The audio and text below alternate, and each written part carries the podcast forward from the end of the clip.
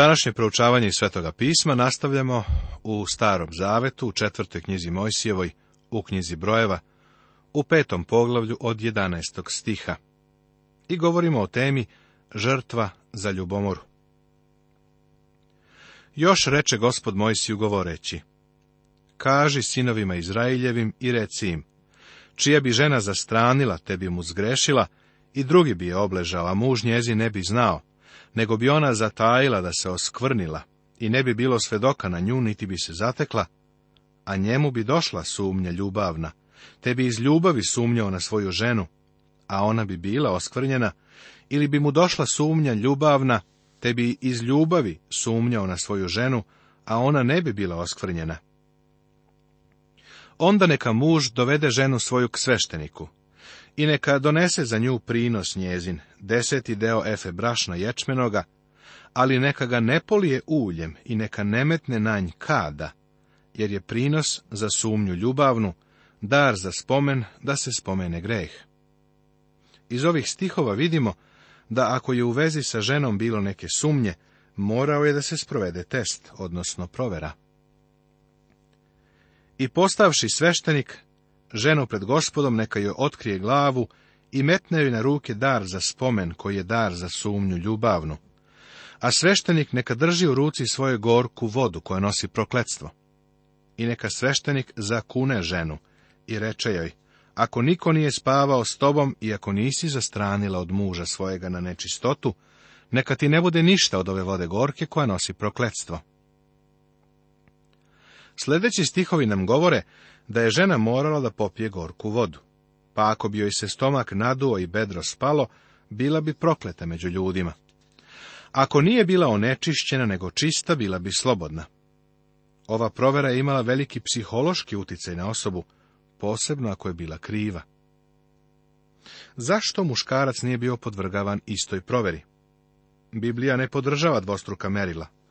U ovom slučaju muž je sumnjao u ženu. Da li je muž mogao biti kriv? Pa naravno. U Levitskoj knjizi, u trećoj knjizi Mojsijevoj, vidimo, a to ćemo ponovo vidjeti i u petoj knjizi Mojsijevoj, da ako bi čovek ili žena bili uhvaćeni u preljubi, oboje su bili kamenovani na smrt. U Bibliji nema dvostrukog merila. Zašto onda treba proveriti samo ženu? Zato što je ovo slika crkve i Hrista. U Hrista se ne može sumnjati, ali u crkvu svakako, budi siguran. Dosta dobro poznajem stanje crkvi i veruj mi, pod sumnjom je. Ali ovo je žrtva za ljubomoru ili ljubavnju, sumnju. Može li Bog biti ljubomoran? O da. oni kaže da je ljubomorni Bog. Mnogo puta kaže ja sam gospod tvoj, ljubomorni Bog. To nije ljubomora niske ljudske vrste, kao što je ljubomora čoveka, nego je to ljubomora zbog ljubavi. Kad čujem kako neka žena kaže, moj muž nije ljubomoran zbog mene, uvek poželim da je kažem, gospođo, ne spomenji to. Ako tvoj muž nije ljubomoran, to je zato što te ne voli. Tako da sam ja na tvome mestu ne bih to ni spominjao. Ako čovek stvarno voli ženu, onda je i ljubomoran, a isto važi i za ženu koja voli muža. Ovakva je Božja ljubomora. On nas voli i želi da za uzvrat dobije našu ljubav ljubomoran je zbog nas. On ne želi da naše vreme i ljubav poklanjamo stvarima ovoga sveta. U ovom testu ljubomore, ako bi se žena pokazala nedužna, bivala je oslobođena odgovornosti. U stvari, ovaj zakon je nju štitio od ljubomornog muža. Ovo je na divan način služilo u njenu korist. Ovo naravno ponovo otkriva da je reč Božija vrlo jasna u vezi sa vernošću, bračnom zavetu.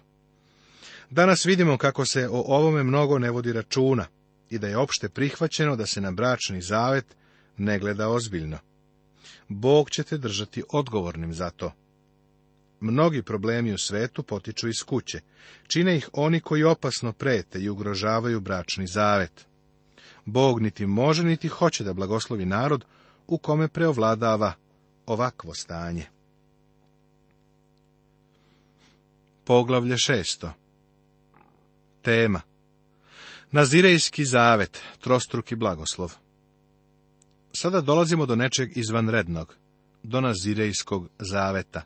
To je bio dobrovoljni zavet. Svaki muškarac ili žena koji je želeo da postane nazirej, mogao je. Mogao bi da se zavetuje na određeno vreme ili za ceo život. Bog to nije zapovedao, bio je potpuno dobrovoljan. Ali ako je iko od njegovog naroda želeo da bliže hoda sa Bogom, ovo je trebalo da se učini.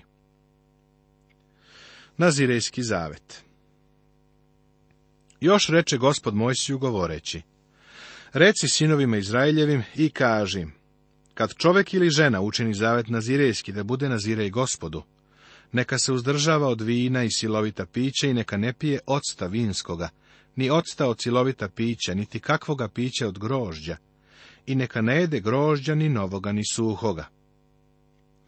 Kad bi neko dobrovoljno preuzeo nazirejski zavet, postojale su tri zabranjene stvari. Prvo, takva osoba nije smela da pije vino niti jako piće. Sve što se proizvodilo od vina bilo je zabranjeno. Ovo nema nikakve veze sa tim da li je ispravno ili pogrešno piti vino. Želim pažljivo da kažem i želim da me pažljivo poslušaš. Hrišćanski standard nije standard ispravnog i neispravnog ili pogrešnog. Pitanje je ovo, kakva je svrha toga što radiš? Da li to radiš da bi udovoljio Hristu? Želiš li da budeš nazirej? Želiš li da živiš za njega? To je pitanje. Ljudi me pitaju da li je ispravno da hrišćani piju vino. Prijatelju, ne želim da raspravljam o tome. Ne želim da se s tobom raspravljam o tome šta je ispravno ili pogrešno želim da znaš da li stvarno želiš da ugodiš Hristu. Vino je u Svetom pismu simbol zemaljske radosti. Služi da razveseli srce. Celokupna poenta svega ovoga jeste da je Nazirej hteo da svoju radost pronađe u gospodu. Danas je tako mnogo hrišćana koji radost ne pronalaze u onome što je Božje, u Božjoj reči, u zajedništvu sa Hristom. Radost pronalaze u stvarima ovoga sveta. Idem na mnoge crkvene proslave i znam da ima crkvenih članova koji nikada ne dolaze na sastanak u crkvi, ukoliko nije reč o banketu. Uvek mi je žao tih hrišćana koji kao ona sirota žena žele i dobijaju mrvice za gospodnje trpeze. Nemoj me pogrešno razumeti, nema ničeg lošeg u banketima, ali kada se odlazi na hrišćanski banket, ljudi dobijaju mrvice, to je sve. Tamo odvoje vreme za jelo, kaže se nekoliko pobožnih stvari, neko izdvoji neki stih iz Svetog pisma, o njemu kaže nekoliko slatkorečivih stvari i onda svi odu, osjećaju se vrlo duhovno, vrlo zadovoljno, čak kao i neki izazov da su primili. Ali vratit će se oni na staro, živeće baš kao što su i od uvek živeli. Žao mi je. Gde ti, prijatelju, pronalaziš radost? Postavljam ti lično pitanje. Da li su ti potrebni stimulusi iz ovoga sveta, da bi uživao u hrišćanskim stvarima? Možeš li zaista da se raduješ proučavajući reč Božju? Da li te molitva pokreće ili umrtljuje? Koliko nas danas misli da smo hrišćani, da smo stvarno duhovni, a u stvari u naše postupke unosimo svet? Drugo, što Nazire nije smeo da čini, nije smeo da brije glavu. Dokle traje njegovo nazirejstvo, neka mu britva ne pređe preko glave, dokle se ne navrše dani, za koje se učinio nazire gospodu, neka bude svet i neka ostavlja kosu na glavi svojoj. Apostol Pavle ovako kaže u prvoj poslanici Korinćanima u 11. poglavlju. Zar vas i sama priroda ne uči da je za čoveka sramota ako ima dugu kosu? Voleo bih kada bismo ovakve slike mogli da izložimo na javnim mestima. I dalje mislim da je za čoveka sramota da ima dugu kosu. Slažem se sa apostolom Pavlom. Ovo je sramota za muškarce. Zato su nazireji morali biti spremni da podnesu sramotu za Hrista. Njegova duga kosa će govoriti o tome da je spreman da deli mesto sa Hristom koji je rekao, a ja sam crvane čovek, podsmeh ljudima i rug narodu. I treće što nije smeo, nije smeo da dotiče mrtvo telo, odnosno leš. Dokle traju dani za koje se učinio nazire i gospodu, neka ne pristupa k mrtvacu. Ni za ocem svojim, ni za materom svojom, ni za bratom svojim, ni za sestrom svojom, neka se za njima ne skvrni kad umru, jer je nazirejstvo Boga njegova na glavi njegovoj. U petom poglavlju čitamo da je gubavac morao biti izveden iz okola, kao i svako ko je bio oskvrnjen mrtvim telom, mrtvacem. Vidiš, svet je mesto smrti. Mislim da čovjek može reći da je smrt najdublje obeleži u svetu danas. Smrt je pečat grehom proklete zemlje. To je Bogom objavljeni sud. Ovo je zato što je zbog greha smrt ušla u svet. Da bi se rešila smrt, mora se prvo rešiti greh, jer je plata za greh smrt. Nazirej nije smeo da dotakne mrtvo telo. Morao je biti odvojen od sveta. Gospod je trebalo da bude prvi u njegovom životu. Seti se da je gospod Isus rekao, ko ljubi oca ili majku više nego mene, nije mene dostojan, i ko ljubi sina ili kćer više nego mene, nije mene dostojan. On treba da je ispred onih koje volimo. On ima prioritet. Seti se da je ovaj zavet bio dobrovoljan. Gospod nije zapovedao ovaj nazirejski zavet, ali ako je neko želeo da se ovako zavetuje i gospodu posveti svoj život, to je mogao. Da li u gospodu pronalaziš radost? Da li si spreman da podneseš sramotu radi njega, da si radi njega poniziš? Da li si spreman da ga ostaviš i staviš na prvo mesto, iznad svega drugoga u tvom životu? Vidiš, iako današnji hrišćanin ne daje nazirejski zavet, postoji ponuda bližeg, prisnijeg života sa gospodom to je dobrovoljno. To moraš želeti, to je čin predanja. Nepošteno je ovo nazivati posvećenjem. Sam se ne možeš posvetiti, jedino Bog može da te posveti. U stvari ono što mi radimo jeste da dolazimo Bogu sa praznim rukama, nudeći mu samo sebe i ništa drugo. Naše predanje, slavljanje, ljubav, službu, naše vreme. Nekada kada se zauzmeš za Boga, vidjet ćeš da moraš stajati sam. On mora biti prvi u tvom životu. Mnogi ljudi danas o sebi misle kao o posvećenim hrišćanima, ali se ne usuđuju da učine išta, što bi uvredilo neku malu kliku u njihovoj crkvi. Plaše se da bi se mogli naći na polju, što bi za njih možda bilo mnogo bolje, jer neke crkvene klike nisu od Boga i mogu postati vrlo okrutna gomila. Ipak, ima ljudi koji misle da su posvećeni, a nemaju snage ni izdržljivosti da se suprotstave crkvenoj kliki. Zato prosto idu u korak sa celom masom. Vidiš, ako želiš da se predaš gospodu, Hristos mora da ima glavni prioritet. Svoju radost i zadovoljstvo moraš pronalaziti u njemu. Dokle god traje nazirejstvo njegovo, svet je gospodu. Mišljenja sam da veoma mnogo ljudi danas propušta veliki blagoslov. Možda i baš sada prolaziš kroz posebno vreme nevolje. Zašto se ne izdvojiš za gospoda? Ako si hrišćanin, daj se Bogu na vrlo određeni, potpun način. To neće ukloniti nevolje, ali će ih učiniti podnošljivijim. Gospod Isus je rekao, dođite k meni svi koji ste umorni i opterećeni, i ja ću vas odmoriti. Uzmite moj jaram na sebe i naučite od mene, jer ja sam krotak i smeren u srcu i naći ćete odmor u svojim dušama. Divno je biti u jarmu sa Isusom. Ako li bi ko umro do njega na prečac, te bi oskvrnio nazirejstvo glave njegove, neka obrije glavu svoju u dan čišćenja svojega, sedmi dan neka je obrije, a osmi dan neka donese dve grlice ili dva golubića svešteniku na vrata šatora od sastanka. Bog je vrlo uporan kada je reč o držanju zaveta koji mu je dao. Ako bi se Nazirej onečistio ili oskvrnio, morao je da prinese žrtvu. Bog ne zahteva zavet, ali kada se zavet učini, on očekuje da se održava i vrlo je ozbiljno ako se ovo prekrši. Uveren sam da ima mnogo hrišćana koji Bogu obećavaju ono što ne ispunjavaju, i to objašnjava njihovo jadno duhovno stanje. Kroz godine službe gledao sam neke ljude koji su u crkvu dolazili svake nedelje sa oreolom koji je bio jako svetao. Bili bi tako pobožni da bi pomislio da će svakog trenutka raširiti anđelska krila i odleteti.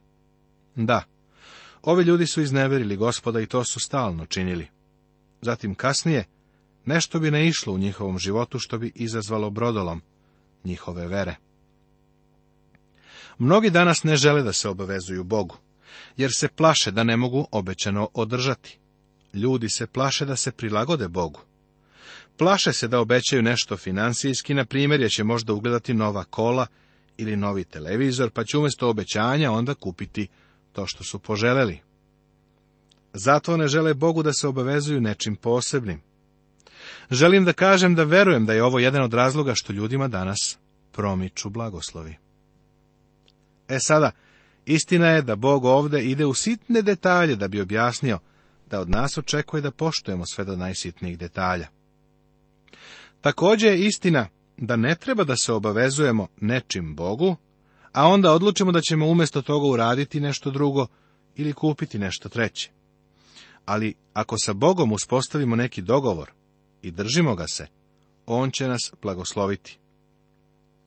Bog je veoma ozbiljan i vrlo praktičan u vezi sa ovim, pa i mi treba da budemo takvi. Bog će nas uvek blagosloviti ako smo verni njemu i obećanju koje smo dali. U ovome se za nas nalazi velika duhovna lekcija. Ovo je nešto o čemu treba vrlo ozbiljno da razmišljaš. Trostruki blagoslov Još reče gospod Mojsiju govoreći, Reci Aronu i sinovima njegovim i kaži, ovako blagosiljajte sinove Izraeljeve govoreći im, da te blagoslovi gospod i da te čuva. Da te obasija gospod licem svojim i bude ti milostiv. Da gospod obrati lice svoje k tebi i dade ti mir. I neka prizivlju ime moje na sinove Izraeljeve i ja ću ih blagosloviti. Ovde u Starom Zavetu nailazimo na trojicu. Bog Otac je izvor svakog blagoslova. Gospod Isus je onaj čije nam lice sija, a Duh Sveti nas hrabri i daje nam mir. Ovo je jedini način na koji dolazimo Bogu i doživljavamo njegov mir. On čini da sve ovo postaje stvarno u našem srcu. Trojedini Bog im daje svoj blagoslov. Mora da se sprovede popis i svi treba da znaju svoje poreklo. Zastave su podignute tako da svi znaju gde pripadaju. Treba da idu za svojim zastavama i da se ulogore na određenom mestu sa svojim plemenom i svojom porodicom. Logor je očišćen. Sada ih gospod blagosilja. Ovo je jedini način na koji Bog može blagosloviti. Mnoge crkve danas ne doživljavaju Boži blagoslov. Problem je u tome što nisu ispravno pripremljeni za marš. Nastoje da krenu, a da prethodno nisu sve postavili u red. Oni su slični vojniku koji jednog jutra zaboravio da se opaše. Veruj mi, teško je marširati i nositi pušku bez opasača ili remena. Ovakvih crkava ima, prijatelju. Oni polaze pre nego što su se stavili u red. Apostol Pavle piše crkvi, dok govori, samo sve neka bude pristojno i uredno. Upoznaj svoje poreklo, a to je da si Božje dete upoznaj svoju zastavu, upoznaj svoje darove i koristi ih i drži svoj život čist. Kakav je ovo divan blagoslov? Bog Otac nas drži, lice njegovog sina nas obasjava. On je svetlost sveta. Bog sveti duh nam daje mir. Kakvo je ovo divno poglavlje? Poglavlje sedmo. Tema Darovi knezova. Sada dolazimo do još jednog izvanrednog poglavlja. Ovo je drugo najduže poglavlje u Bibliji. Najduže poglavlje u Bibliji je psalam 119. koji ceo govori o reči Božjoj. Ovde imamo 89 stihova i znaš li o čemu govore? O darovima knezova. Nabraja se svaka stvar koju su donosili. Ovo je zaista dosadno poglavlje, jer se stalno ponavlja. Spomenuti su svi knezovi i tačno nam se navodi šta je svaki od njih dao. Ovo je za tebe i mene veoma značajna poruka. I onaj dan kad Mojsije svrši i podiže šator, i kad ga pomaza i osveti sa svim posuđem njegovim, i oltar sa svim posuđem njegovim, kad pomaza i osveti, Donesoše knezovi Izraeljevi starešine u domovima otaca svojih, knezovi nad plemenima i poglavarima u onih koji biše izbrojeni. A gospod reče Mojsiju, jedan knez u jedan dan, a drugi knez u drugi dan, neka donose svoje priloge da se posveti oltar. I prvi dan donese prilog svoj Nason sin Aminadavov od plemena Judina. Poznaješ li ovog čoveka Nasona? Ja ne poznajem. Sve što o ovome čoveku znam jeste da je doneo ove darove. Ali Boga je poznavao i Bog je zabeležio sve darove koje je on doneo. Smatraš li njegov prinos zanimljivim?